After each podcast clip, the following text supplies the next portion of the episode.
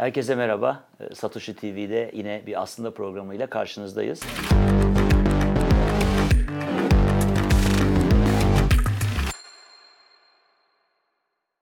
Her zaman olduğu gibi Kerem Tüyük'le birlikte. Kerem hoş geldin. Hoş bulduk. Ee, son bıraktığımız yerden hızlı bir giriş yapalım. Ee, Bitcoin benimsenmesi üzerine getirdik konuları bağladık. Bayağı bir şey konuştuk bugüne kadarki bölümlerde.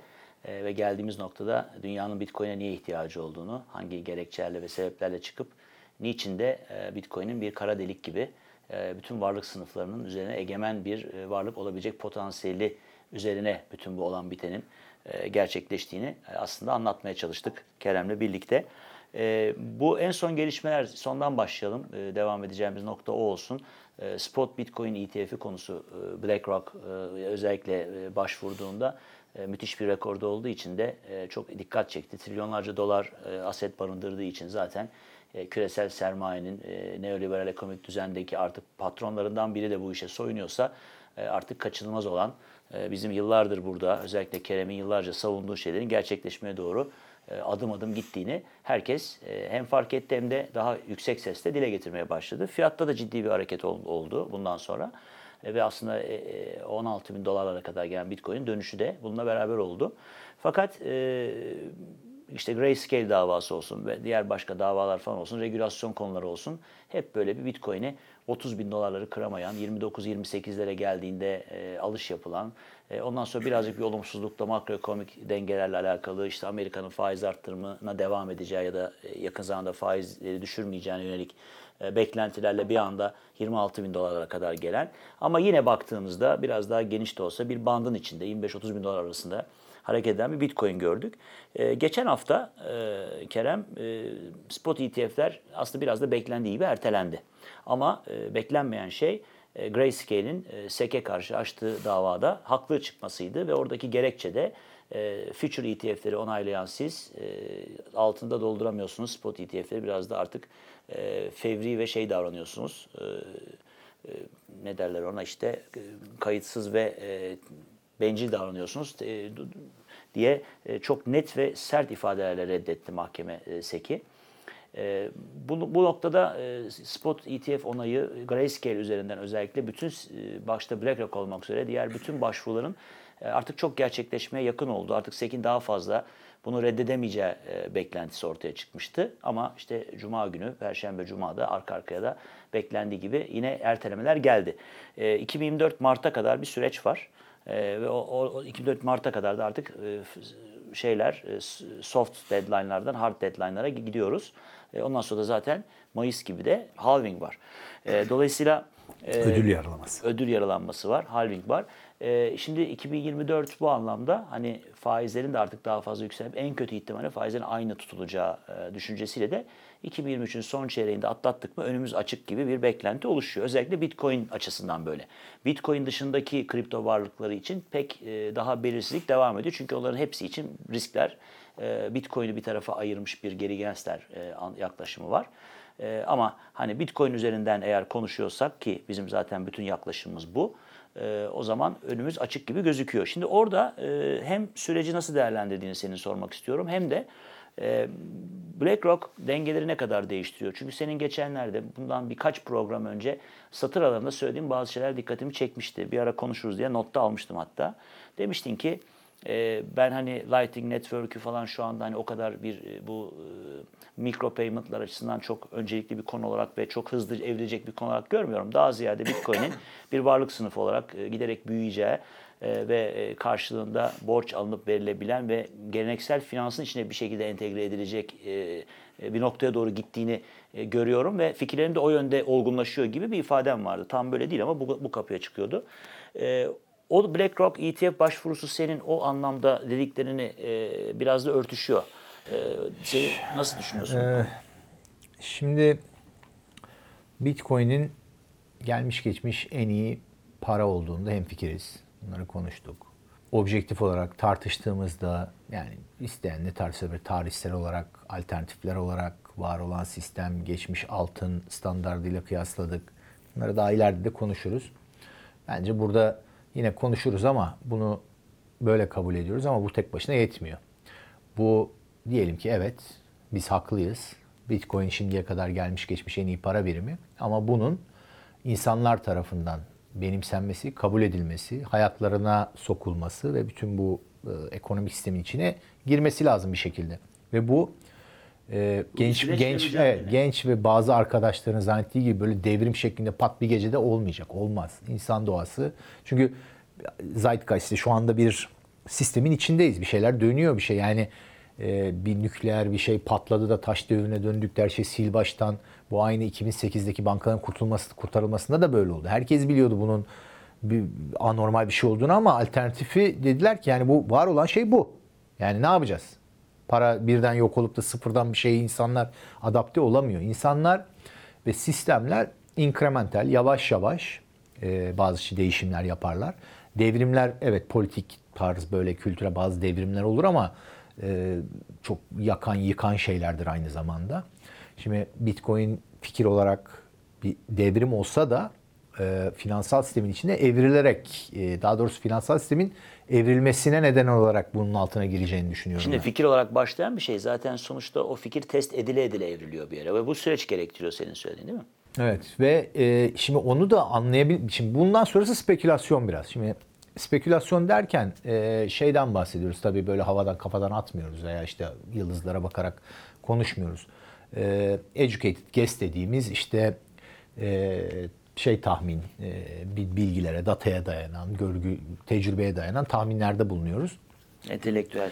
Ee, şimdi bu konuşacağımız şeyler, arada konuştuğumuz şeyler, Bitcoin adaptasyonu nasıl olacak, insanlar nasıl adapte olacak, firmalar, bu sistem nasıl değişecek zaman içinde bunlar spekülasyon. ETF bunun bir parçası mesela veya e, işte El Salvador gibi ülkelerin e, şey e, resmi para birimi ilan etmesi bunun bir parçası. E, insanların yavaş yavaş şimdi onu da anlayabilmek için de tam böyle var olan sistem nasıl çalışıyor onu bilmek lazım. Mesela Seyfettin'in kitabını şey yapıyoruz bu e, Bitcoin standardı kitabını. Bu çok güzel bir kitap hep bahsediyoruz. Seyfettin mi oldu adamın? E, ben Seyfettin diyorum. Ha. E, bunun e, bir tane daha yazdı biliyorsun fiyat standart. Fiyat standart. İşte o da bu zaman şu anki şeyi anlatıyor. Çünkü yani şu andaki şeyi bilmen lazım. Çünkü okumayanlara tekrar söyleyelim yani bu kitabı zaten e, siz de çoğu müşterinize verdiniz. E, Bitcoin standardı e, Safety'in Amos şeyden alıyor. E, altın standartın öncesinden alıyor. Altın standardı niye geldi? Niye altın standardı e, bozuldu? E, ve bugünkü e, standartsızlık ve Bitcoin neyi öneriyor? E, bunu anlatıyor ve tabii bunu anlatırken de bu 1971 sonrası özellikle bambaşka bir paragraf. Bütün bu bugün konuştuğumuz konuların olmasına sebep olan yaşananların o bozuk para standardı da son kitabı olmuş. Evet. Ve şu da önemli. Sadece bu sistemler derken bunlar bilgisayarlar, masalar, işte binalar, şirketler, tüzel kişilikler falan değil. Şimdi merkezinde yine insan var. Ama insanların farklı rolleri var. Mesela BlackRock diyorsun. BlackRock dediğin zaman bir tüzel kişilik, bir soyut bir firmadan bahsediyoruz. Bunun içinde adamlar var, insanlar var. Bu insanların düşünceleri, var. motivasyonları, çıkarları, bilgileri, Müşterilerin beklentileri. ee, şimdiki çıkarları, ilerideki çıkarları ve hepsi buna göre kendi çıkarı için davranıyor. Ve Bitcoin'in en güzel şeyi bu geçen programda da bahsetmeye çalıştığım en büyük gücü politik olarak insanı ikna etmeye gerek ettiğim bir şey değil. Ben buna inanmıyorum. Yani öyle olsaydı uğraşmazdım. Çünkü ben daha önce de söyledim siyasi şeyim var. Ben çok uğraştım Sen ikna insanları ikna etmek biliyorsun Tabii çünkü. ki. Yani bunu çok uğraştığım zamanında gençliğin verdiği cehalet ve enerjiyle işte e, politik, e, direkt politik işte bir action, bir partide bir şey olmasa bile fikir olarak insanları ikna etmek için falan ama şunu, ve ama şunu öğrendim. izledim de yani. Sen ne kadar ikna edici ve doğru e, argüman üzerinden konuşursan konuş, o adam onu tecrübe edip başına gelmeden Evet, ve insan e, çıkarı çıkarı için kendi penceresinden bakarak şimdi e, onu da çok konuşuyoruz. İnsanları dışarıdan yargılamak kolay. Şimdi bakıyorsun dışarıdan sen başka bir karar vermişsin. O senin verdiğin kararı kabul etmiyor veya başka yönde şey yapıyor. Sen verdiğin kararın doğru olduğunu düşünüyorsun. Bitcoin veya başka bir şey. Diyorsun ki vay salak falan gibi ama o kendi tecrübesi, bakış açısı, risk analizi, içinde bunu pozisyon pozisyonu. belki de salaklıktan o da olabilir yani. O da onu da kenara koymuyoruz ama ya bir sürü faktör var. Şimdi e, var olan sistemde mesela BlackRock'a gelelim. BlackRock çok büyük bir firma. Trilyonlarca dolar e, şey yapıyor. Ama bu adamların parası değil bu. Bu müşterilerin parası.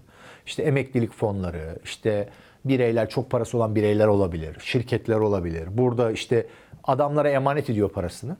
Ve bu adamlar da bir return, bir e, geri dönüş ve bir getiri vaat ediyorlar. Ve yapabilirlerse BlackRock'ta kalıyor para. Yapamazlarsa başka birine gidiyor. Vanguard, ba- başka firmalar da var. rekabet var. Tabii. E, tabii böyle e, şeylerde, bu sistemlerde şöyle de şeyler oluyor tabii. Yani e, suistimaller, BlackRock'un yap çünkü elinde güç para, müşterinin parası da olsa o parayı yönlendirdiğin zaman bir büyük bir güce e, erişiyorsun. Kısa vadede negatif bir sürü politik şeyler de olabiliyor. Bu ESG denilen bir üçkağıt var. E, Türkiye'de sadece bunun e, iklim krizi bacağı biliniyor. Ama bu Amerika'da özellikle Avrupa'da işte ırkçılık, eski ırkçılık şeyinden kalma işte ırkçılığa karşı mü- mücadelenin bir parçası gibi sunulan equity işte sen bir de paydaş ekonomisi diye bir şey icat ettiler, uydurdular. Kapitalizm değil de Marksizme kaydırmak için insanları. Normalde çünkü kapitalizmde tüzel kişiliklerin sahipler bellidir. Firmanın amacı sahiplerin çıkarını korumaktır. Ama şimdi paydaş o da var, bu da var. Hepimiz bir kardeş. Yok ya ben koymuşum parayı, ben riski almışım. E, sermayedar olarak bir kişi olarak veya 100 kişiden biri olarak hepimiz paydaşız öyle mi? Biz e, kendi çıkarımızı şey yapmayacağız. Sizin e, ne artık ajandanız varsa o anda onları korumak için şirketin kaynaklarını oraya yönlendireceğiz. Şimdi bunlar yavaş yavaş bu batıda maalesef hafif kapitalizmin yozlaşması diyorum ben buna. E, başka kapitalizm de denmez buna. Başka bir isim de bile verebiliriz ama böyle şeyler var. Mesela bu tip şeylerde e, etkili oluyor. Bu adamlar paralarını bir yerlere yatırıyorlar. Tamam mı? Bu, ve bu paraları yönlendirmeleri de büyük bir güç. Sen şimdi firma olarak kaynağa ihtiyaç, finansmana ihtiyaç duyuyorsan tabii bankadan kredi alabilirsin, işte para raise etmeye çalışabilirsin yatırımcılardan falan ama bu büyük firmalar e, firma e, kaynak finansman sağladıkları borç olarak veya işte sermaye arttırma olarak kaynak sağladıkları firmaların davranışlarını etkiliyorlar. Diyorlar ki bunları bunları yaparsan veririz. İşte bu böyle politik yozlaşma bu bunun bir parçası. Ama ne olursa olsun burada her zaman sonunda kişisel çıkara ve en sonunda o BlackRock'ın da sahipleri veya ortakları veya o müşterilerinin çıkarına e, dayanmak zorunda. Bunların hepsi geçici şeyler. Dolayısıyla Bitcoin'in e, işte iknaya gerek kalmadı. İşte BlackRock'ın başındaki adama oturup da burada Michael Saylor gibi Bitcoin'ci yapmanıza gerek yok. Onu anlatmaya çalışıyorum. Tamam, peki o- Bu adamın çıkarının burada olduğunu Nitekim- anladığı zaman nitekim- ki anlıyor bunlar gerizekalı insanlar değil. Buraya gelecekler Neydi bu? Larry. Fink miydi bu adam? Larry Ha, Fink. şimdi bu Larry Fink e, zaten çok yıllar evvel e, Bitcoin'in bir e, aldatmacı olduğunu, palavra olduğunu, değerinin olmadığını falan söylemiş bir adam. Aynı Larry Fink'in başındaki trilyonlarca dolar yöneten BlackRock da bugün Spot ETF başvurusunda e, lobisiyle, mobisiyle e, bunu almak için e, Aynısını çalışıyor. JP Morgan Chase yaptı. JP Morgan yaptı. Yani Sonra Coinbase'in halka arzını yaptılar, şimdi para kazandılar. Şu noktadan e, yürürsek daha bence hani bugüne çok daha yakın yürürüz. E, şöyle bir şey var Kerem yani dedik ya El Salvador bugün legal tender yaptı. Niye Almanya değil de El Salvador yaptı? Veya işte sen diyorsun ya e, Elon Musk niye e, bu kadar e, Bitcoin'e e, uzak duruyor veyahut da işte hani bakıyor ama çok da böyle sahiplenmiyor. E, ama Michael Saylor sahipleniyor. Çünkü Hepsinin o- sebebi var. hepsinin bir sebebi var. E, hepsi bulundukları pozisyon daha uygun olduğunu düşündüğü için bir risk anlayışı e, veya bir motivasyonu var. E, beklentisi var. Elon Elon Musk'ın Bitcoin 1 milyon dolar olmuş, 10 milyon olmuş. Oradan kazanacağı ihtiyacın uzayla uğraşıyor. Michael Saylor ise Elon Musk seviyesine çıkmak için uğraşıyor gibi Sadece gibi. o da değil. Bu sistemden El Salvador'da büyük pay alan bir ülke değil. Michael Saylor da bu sisteme girip entegre olup da ekstra avantaj elde eden bir adam değil. Evet. Çok büyük El yani Salvador sonuçta. e, küçük bir Orta e, Amerika ülkesi. Kendi parası bile yok. Artık çünkü öyle bir enflasyon, öyle bir abuse etmişler ki zamanında ne bastılarsa artık kimse artık onun parasını kullanmıyor. Zaten full dolarize bir ülkeymiş. Ufak. Başında otoriter, totaliter, diktatör diyebileceğimiz bir adam var ama kafası çalışıyor en azından. Çünkü tek adam rejimlerinde Ülkenin küçük kurtuluşunu yerler- IMF Evet. dedi, işte burada olduğunu Evet. görüyor en azından. Çünkü sistem bu. IMF sisteminin ülkesi için faydalı olmadığını, bu başka aktörlere, başka daha büyük ülkelere hizmet eden bir şey olduğunu daha önce konuştuk bunu. Bunun farkında. Aynı şekilde Michael Saylor tamam başarılı bir adam, işte dolar milyarderi olabilir ama e, eti, eti budu bu sistemden beslenip e, şey olmuş e, mesela o orada şeye de gireceğim şimdi. Elon Musk dedin. Elon Musk dediğimi unutma da şöyle bir şey yapacağım. Bak ne yapıyorum ama şimdi iyi bak. Ee, Geçici IMF ile ilgili IMF ile ilgili e, programı aşağıya linkini bırakacak arkadaşlar. Nasıl öğrenmişim? Onu izleyin. Bir de e, şöyle evet. şu işaret var tamam mı? Buna bakın. Basın tıklayın. Böyle yapın, Neydi o? işler yapın. Şeyin altında, videonun altında Kerem şöyle ne bir- diyorsa onu yapın ondan sonra. Neyse. e, şimdi Elon Musk'a geldim. Burada içimde kalmış bir şey var. Bunu da çıkaracağım. Elon Musk denen... Şimdi Elon Musk şu anda dünyanın en zengin adamı. Tamam mı? Varlık olarak. Yani nakitliği var anlamında değil. Sahip olduğu hisseleri, e, şirketlerin hisse değeri olarak. Ve bu adam hiçbir şirketinde Tesla dahil hayatı boyunca kar etmemiş şirketleri. Bir daha söylüyorum. Elon Musk 20 senedir işte 90'ların sonundan beri bir sürü şirket kurmuş, başında durmuş. Kurup da o anda başında durduğu hiçbir şirket bir kuruş kar etmemiş. İşte gelecekteki karlılığını önceden satıyor. Ha işte bir dakika oraya geleceğim. Bu nasıl oluyor da bu adam dünyanın en zengin adamı oluyor? Bu büyük bir bilmece ve bu bilmecenin cevabı aslında içinde bulunduğumuz durumu da çok iyi an- an- anlatıyor. Şimdi Elon Musk e, PayPal'ı kurdu. Daha doğrusu PayPal'ın e, iki firmanın birleşmesiyle kurulan bir firma. Elon Musk'ın şirketiyle Peter Thiel e, adlı daha sonra çok daha başarılı Elon Musk'tan daha sonra Facebook'a da yatırım yapmış. Çok önemli bir adam var. O ikisi birleşiyorlar. Ee, Elon Musk işte e, bugün X yaptı ya Twitter'ı bir şeyler bir şeyler yapmaya çalışıyor. Bunlar da diyor ki yok yani core işe şey platform Anlaşamıyor. Ha, anlaşamıyorlar. E, PayPal olduktan sonra Elon Musk başında o zamanlar para mara kazanmıyor bu şirket. Hiçbir şey yap diyor. Geleceğe yatırım yapıyor. 90'ların sonu işte e, banka kullanmadan e-mail ile veya dijital olarak para yollama arkadaşlar arasında sistemi.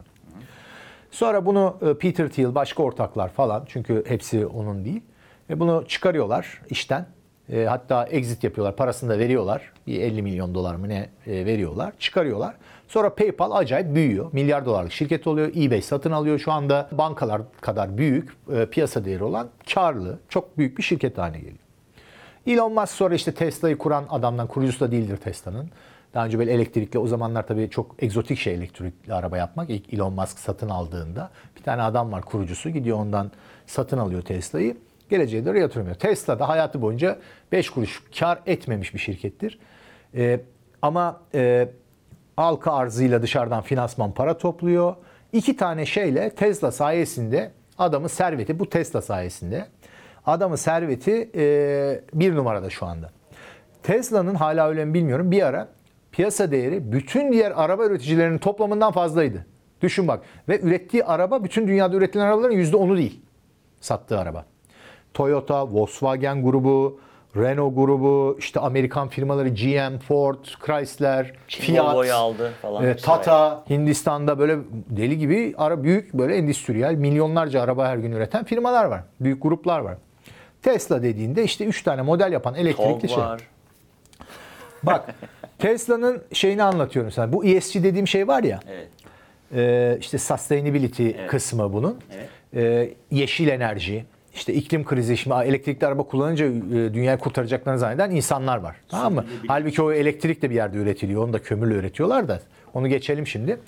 Bu adama Çok geri gitmeyeceksin. iki tane iki tane şey e, bu adamın dünyanın en zengin şey yaptığı. Biri e, bu ESG dediğimiz e, hem psikolojik hem fiili sübvansiyonlar. Fiili sübvansiyonlar da şöyle çalışıyor Amerika'da.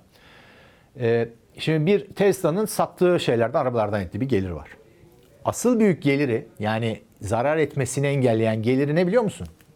GM, Amerika'daki GM, Chrysler ve Ford'un vergiye bağlaması. Tesla vergi alıyor bu firmalardan. Niye alıyor biliyor musun? Çünkü bunlar içten yanmalı motor üretiyorlar. Bunlar sadece elektrikli motor alıyor. Öyle bir kanun geçmiş Amerika'da.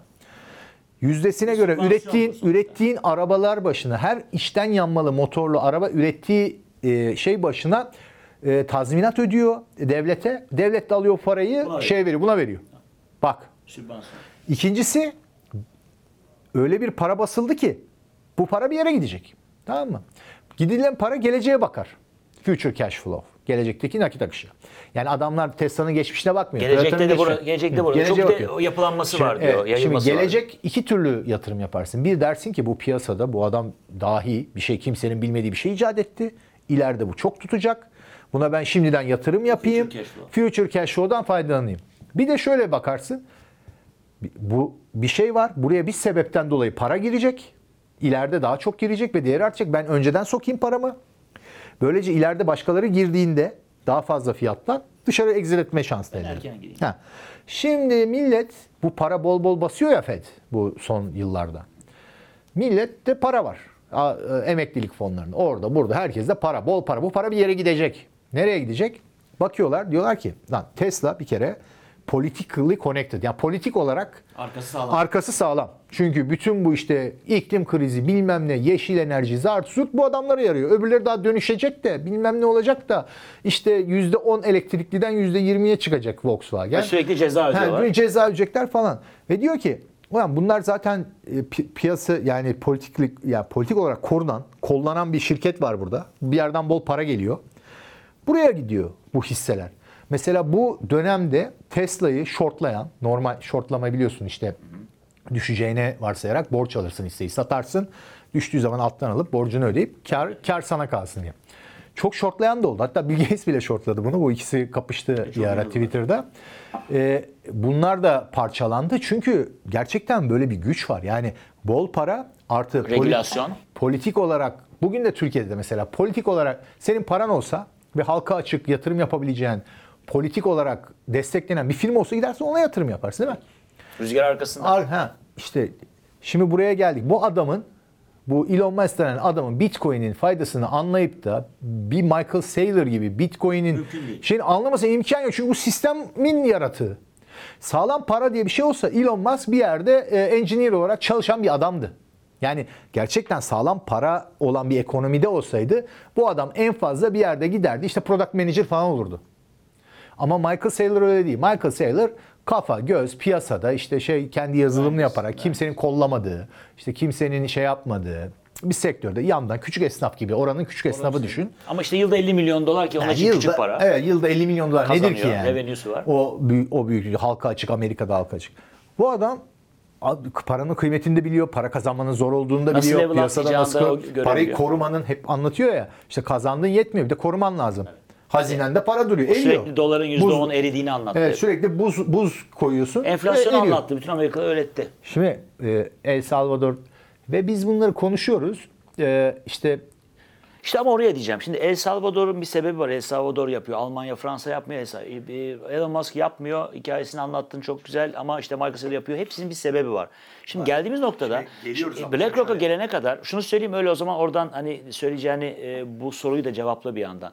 BlackRock e, gelene kadar bir sürü ETF başvurusu vardı zaten. Onların hepsi birer e, Michael Saylor ve El Salvador'du.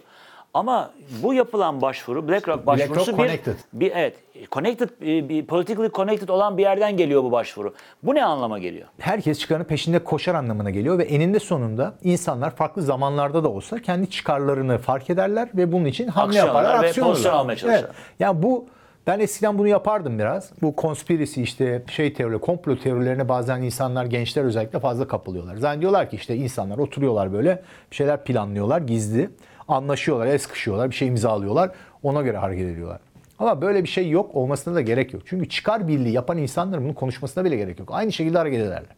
Oturup da bak e, Barış biz böyle böyle şeyiz, bu şunu yapalım diye yapmamıza gerek yok ki abi.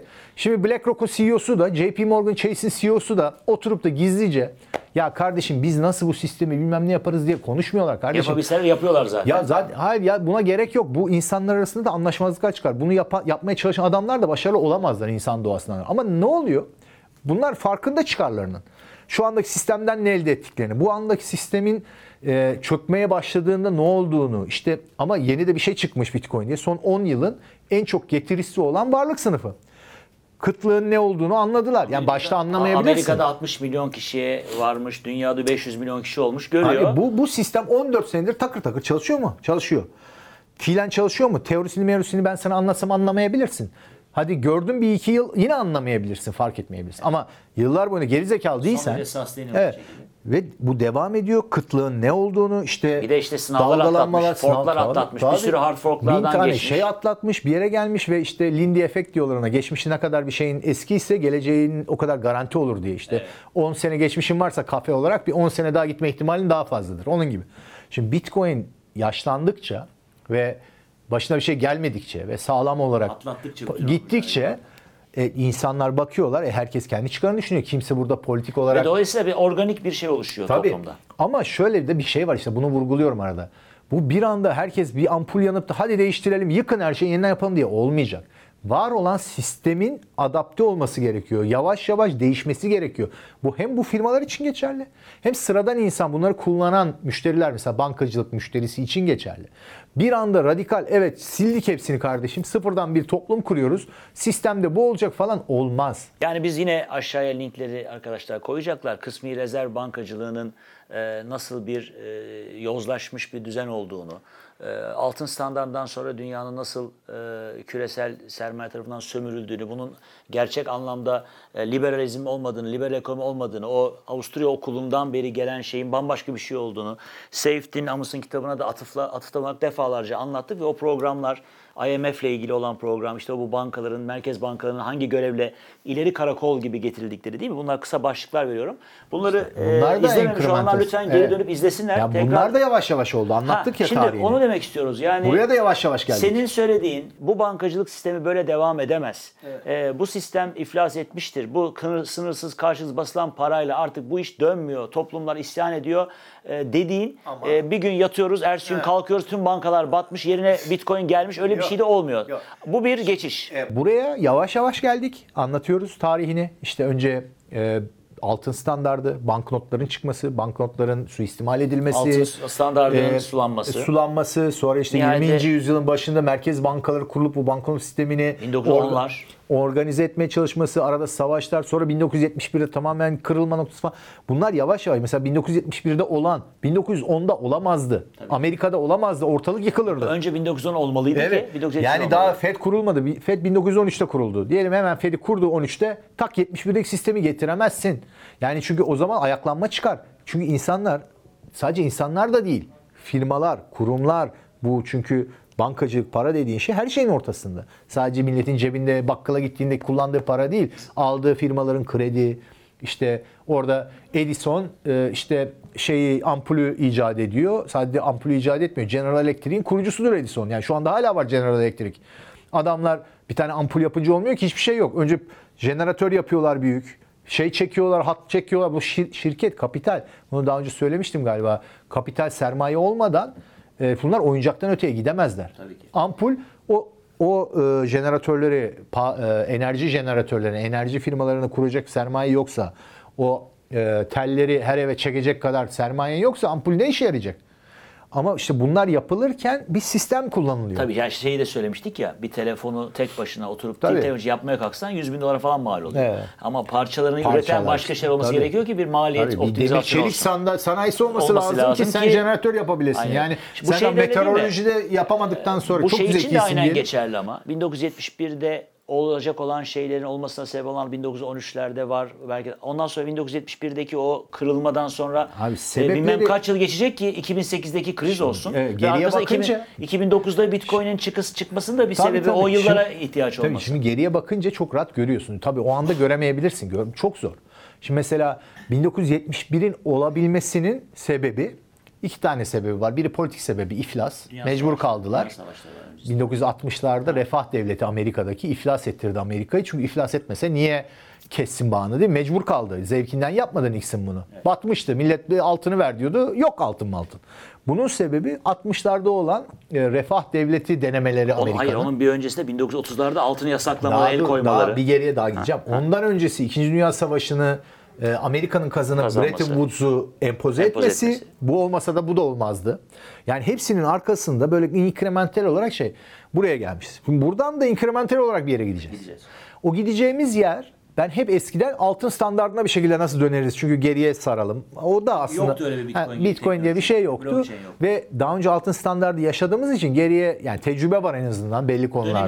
Biliyorsun en azından. Bir Ama şey de var. çıkar çatışmaları ve altının fiziksel özellikleri konuştuk bunları. Evet. İşte yani bir yerde e, toplanmaya mahkum Olması. altın e toplanınca da suistimal oluyor. Bir de o Aynen. toplayan adam kastadisini tutan adam. Devamlı ölçemediğin için yani muhasebe. Şimdi Bitcoin'de de bu ETF bu adımlardan biri olur. ETF'in üzerinde birkaç bir şey daha söyleyeyim.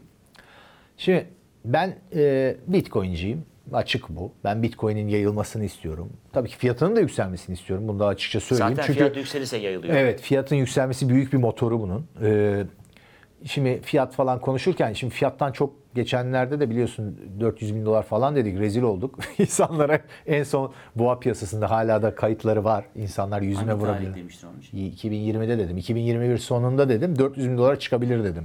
O boğa piyasasında, son boğa piyasasında. Senin enflasyon beklediğin kadar olmadı Amerika'da. Yani enflasyondan ziyade e, şey oldu bir ekmek ya. 10 bin dolar bekliyorduk çünkü biz yani. Bu şeyden oldu. Benim tahminim yani bilemeyiz yüzde yüz de. Tahminim e, shitcoinlerin sayısı aşırı arttı. NFT, NFT diye bir şey uydurdular. Metaverse falan gibi. oraya. Oralara dağıldı para. Bir de Fed erken faiz arttırmaya başladı biraz.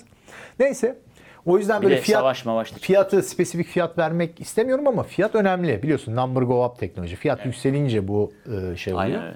Ve yükselmesi de kaçınılmaz çünkü sınırlı. Yani bir talep arttıkça insanlar buna uyandıkça fiyat artacak demektir. Başka İşte spot. ETF de o talebi arttırıcı bir faktör Ha. olduğu için zaten çok Şimdi duruyoruz. orada şöyle bir şey var. Bir ikilem var.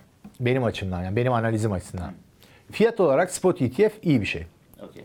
E, çünkü şu anda e, büyük para e, eden, bir idare edenlerin çoğu firmanın ana sözleşmeleri vardır. Bu ana sözleşmelerde risk şeyi yüzünden nereye yatırım yapabilecekleri yazar.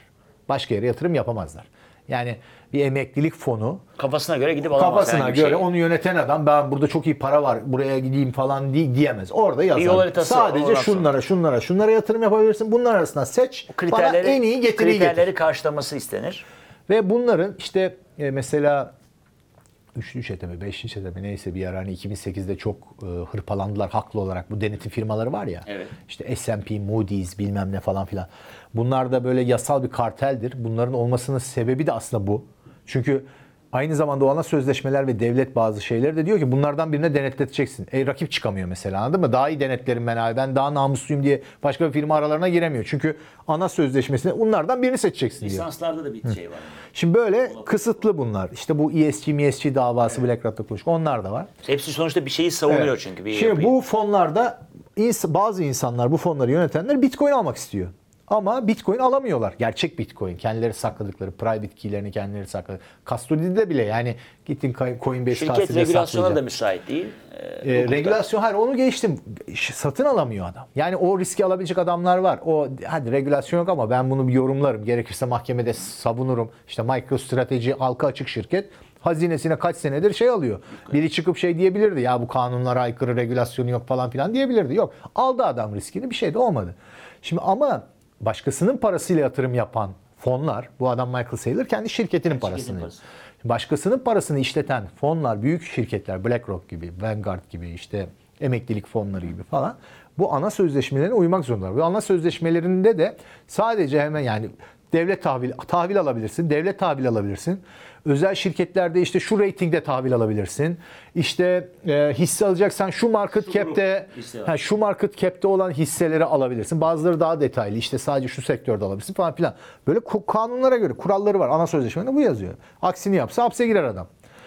Bu ETF bu şeyleri açtığı için fiyat olarak olumlu. Herkes bunu böyle o yüzden böyle değerlendiriyor. Yani ETF çıktığı anda Amerikan borsasına ki başka borsalarda var ama o ana sözleşmelerde şey de yazıyor. Avustralya'da gidip ala- alamazsın diyor. Yani Amerika'da almak zorundasın diyor. Bir de öyle kısıtlar da var. Şimdi Amerikan en büyük en derin borsa olduğu için dünyada e, Amerikan borsasında bir ETF'in olması, Bitcoin ETF'inin olması bir sürü böyle birikmiş talebi yani bekleyen Realize edecek en azından %3'ünü 5'ini şuraya atalım. Yani trilyonlarca Bunu- dolar bunu- şey ama yapıyor. bunu demesi bile zaten senin o tutmayan hedefine götürüyor zaten. Evet. Şimdi bu fiyata güzel bir etki yapacak. Bu da kötü bir şey değil bir kere. Bunu kenara koyalım. Ama Bitcoin doğası gereği insanların kendi saklayabildiği bir şey. Bunu her zaman vurguluyorum. Biz kendi müşteri, BTC Türk müşterilerine de söylüyorum. Her türlü Bitcoin sahibi ve borsada başka bir yerde tutan insanlara da söylüyorum.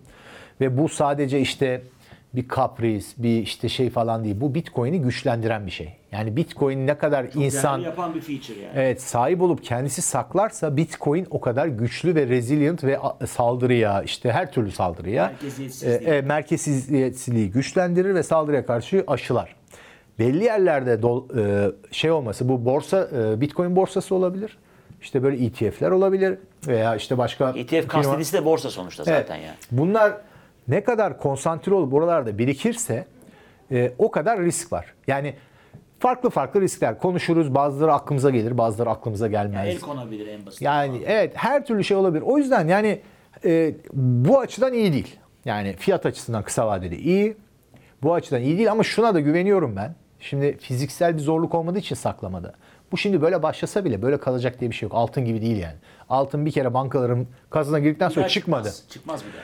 Bitcoin öyle değil. Bitcoin gerekirse çünkü e, hep BTC Türk için de söylüyorum. E, bank run dediğimiz e, bankaya hücum diye bir şey vardır.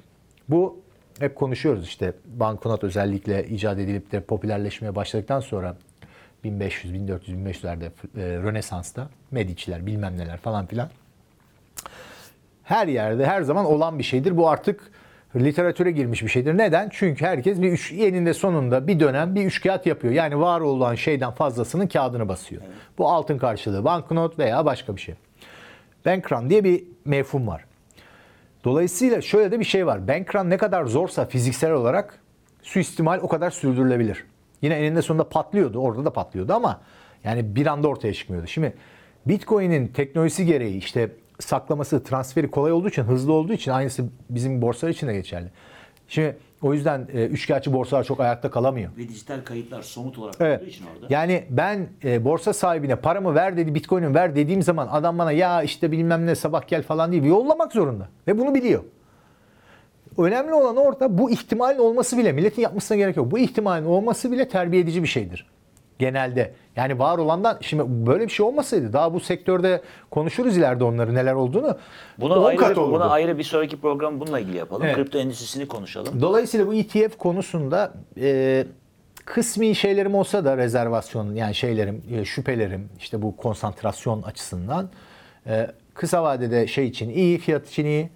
E, merkezileşme açısından kısa vadede kötü ama e, bunun yolu var. Mesela Grayscale'den bahsettin. Grayscale'da da şöyle bir olay var teknik. Ona da bahsedelim gelmişken. Grayscale'ın şu anda fonu var zaten. Bitcoin fonu. Trust. Trust. Ama ETF değil. ETF'den farkı var. ETF'den farkını e, kısaca anlatalım. Şimdi maliyet var, yönetim maliyeti Evet, var. yönetim maliyeti var. Sadece o değil. Çıkaramıyorsun Bitcoin'i. Yani e, Bitcoin olarak redeem et e, sadece büyüyen bir fonu yapısı itibariyle. Hep içine talep geldikçe Bitcoin satın alan, Bitcoin satıp da "Aa, sattık artık Küçülemeyen. şeylere küçülemeyen. ETF'ler böyle değil. Yapı itibariyle ETF'i yöneten fon veya şirket veya banka Talebe göre büyüyor talebe göre büyüyor veya küçülüyor. Ya satıyor ya alıyor. Gelen mesela Yani şey bu bizim e, Türkiye'deki borsa yatırım fonları gibi, hisse senedi fonları gibi, A tipi, F tipi. Bunlar Ve çok dinamik. Yani böyle belli dönemlerde değil bu. Anında Otomasyon piyasa neredeyse. açıkken evet otomatik. Ve mesela e, SEC'nin e, spot ETF'i reddetmesinin sebeplerinden biri buydu. Bu aslında anlaşılabilir bir sebep. Derinlik olması lazım bunu yapabilmen için. Yani bir ETF'i yöneten büyük bir şirket ETF'e bir sürü para girmiş.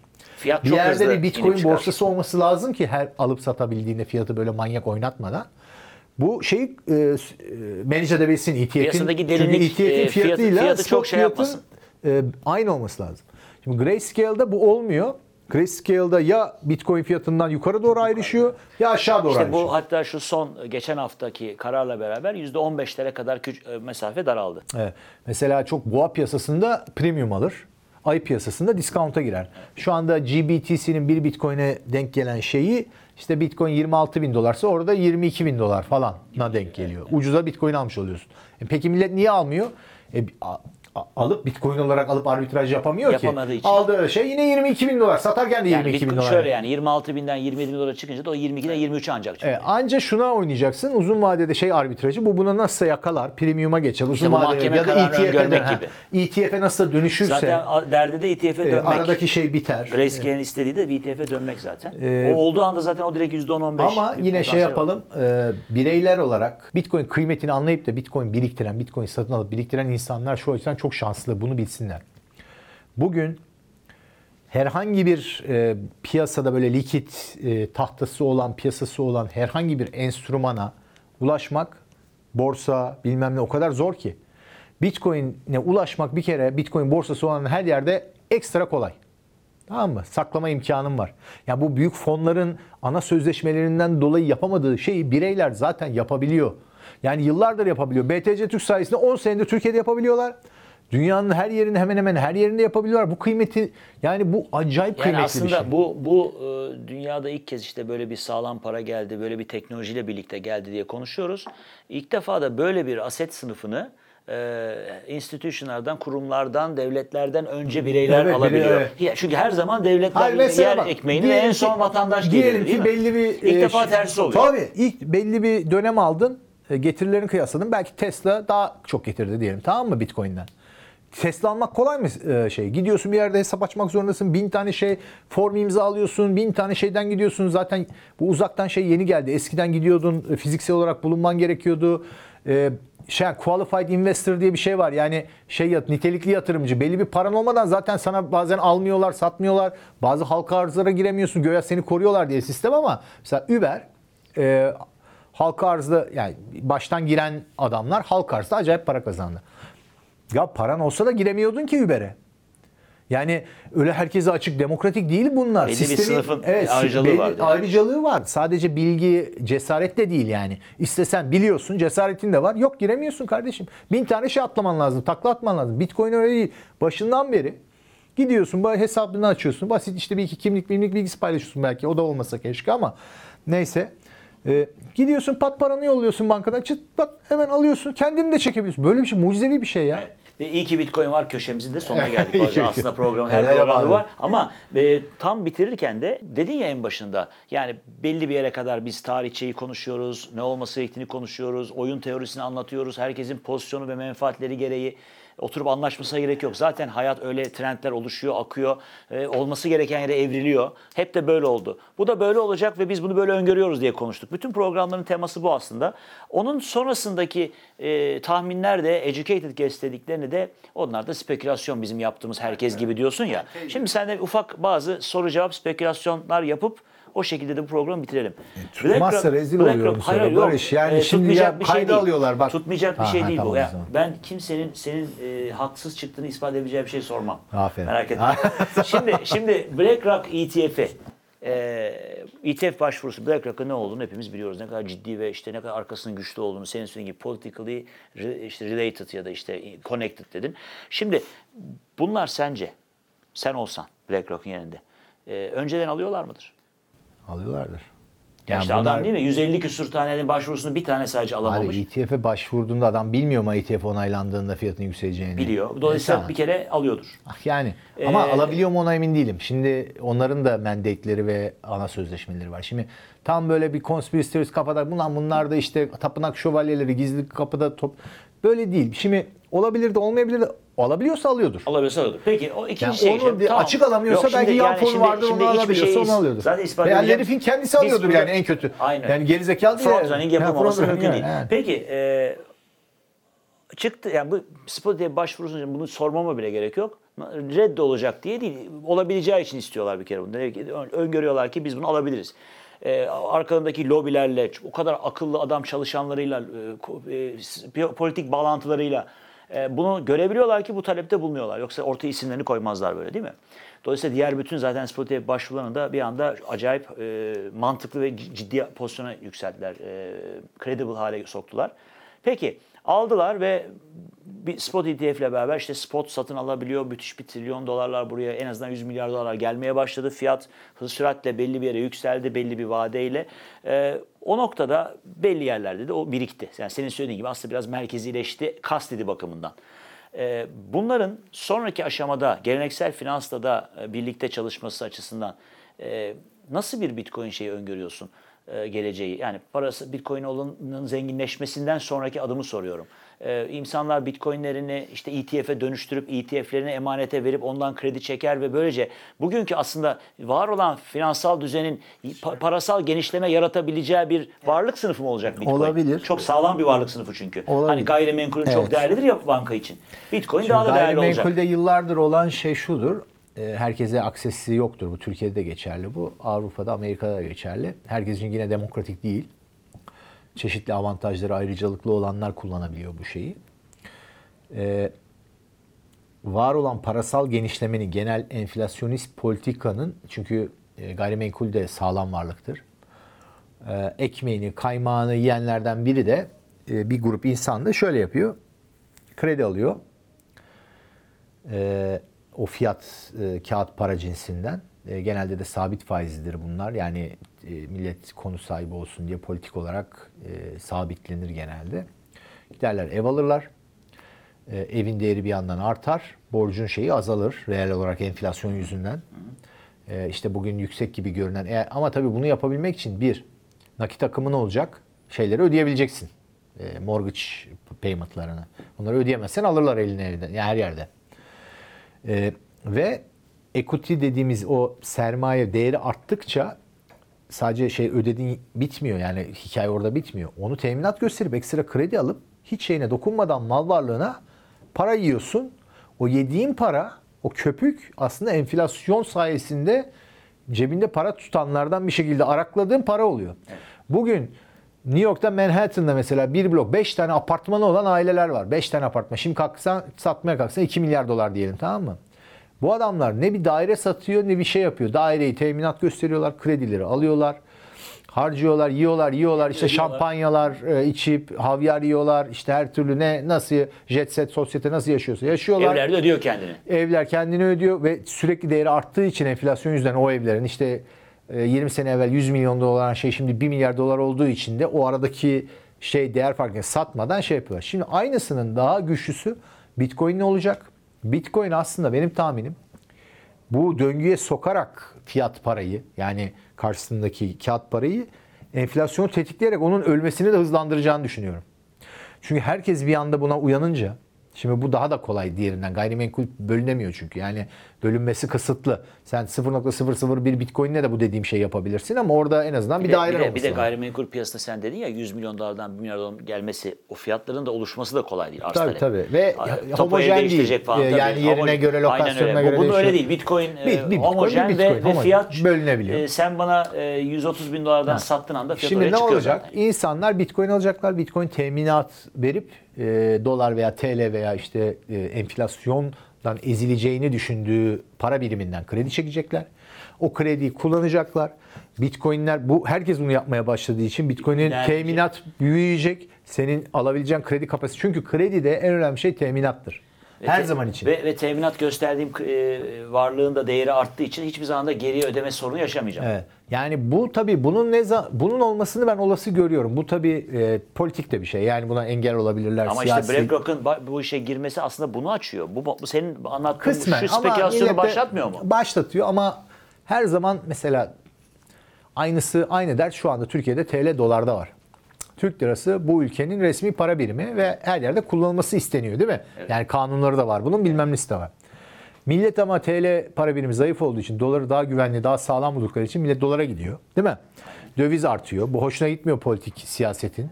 İşte hayat pahalı, ithalatın girdisi artıyor bilmem ne bilmem ne bilmem ne. Bunu baskılamaya çalışıyorlar. Yöntemlerini biliyorsun. Hepimiz biliyoruz. Ha, bin tane yöntem. Şimdi aynısını e, bu dediğimiz Bitcoin dolar bazında yani doların yerine Bitcoin'i sok. TL'nin yerine de doları sok. Aynı benzer şeyler olabilir. Olacaktır da.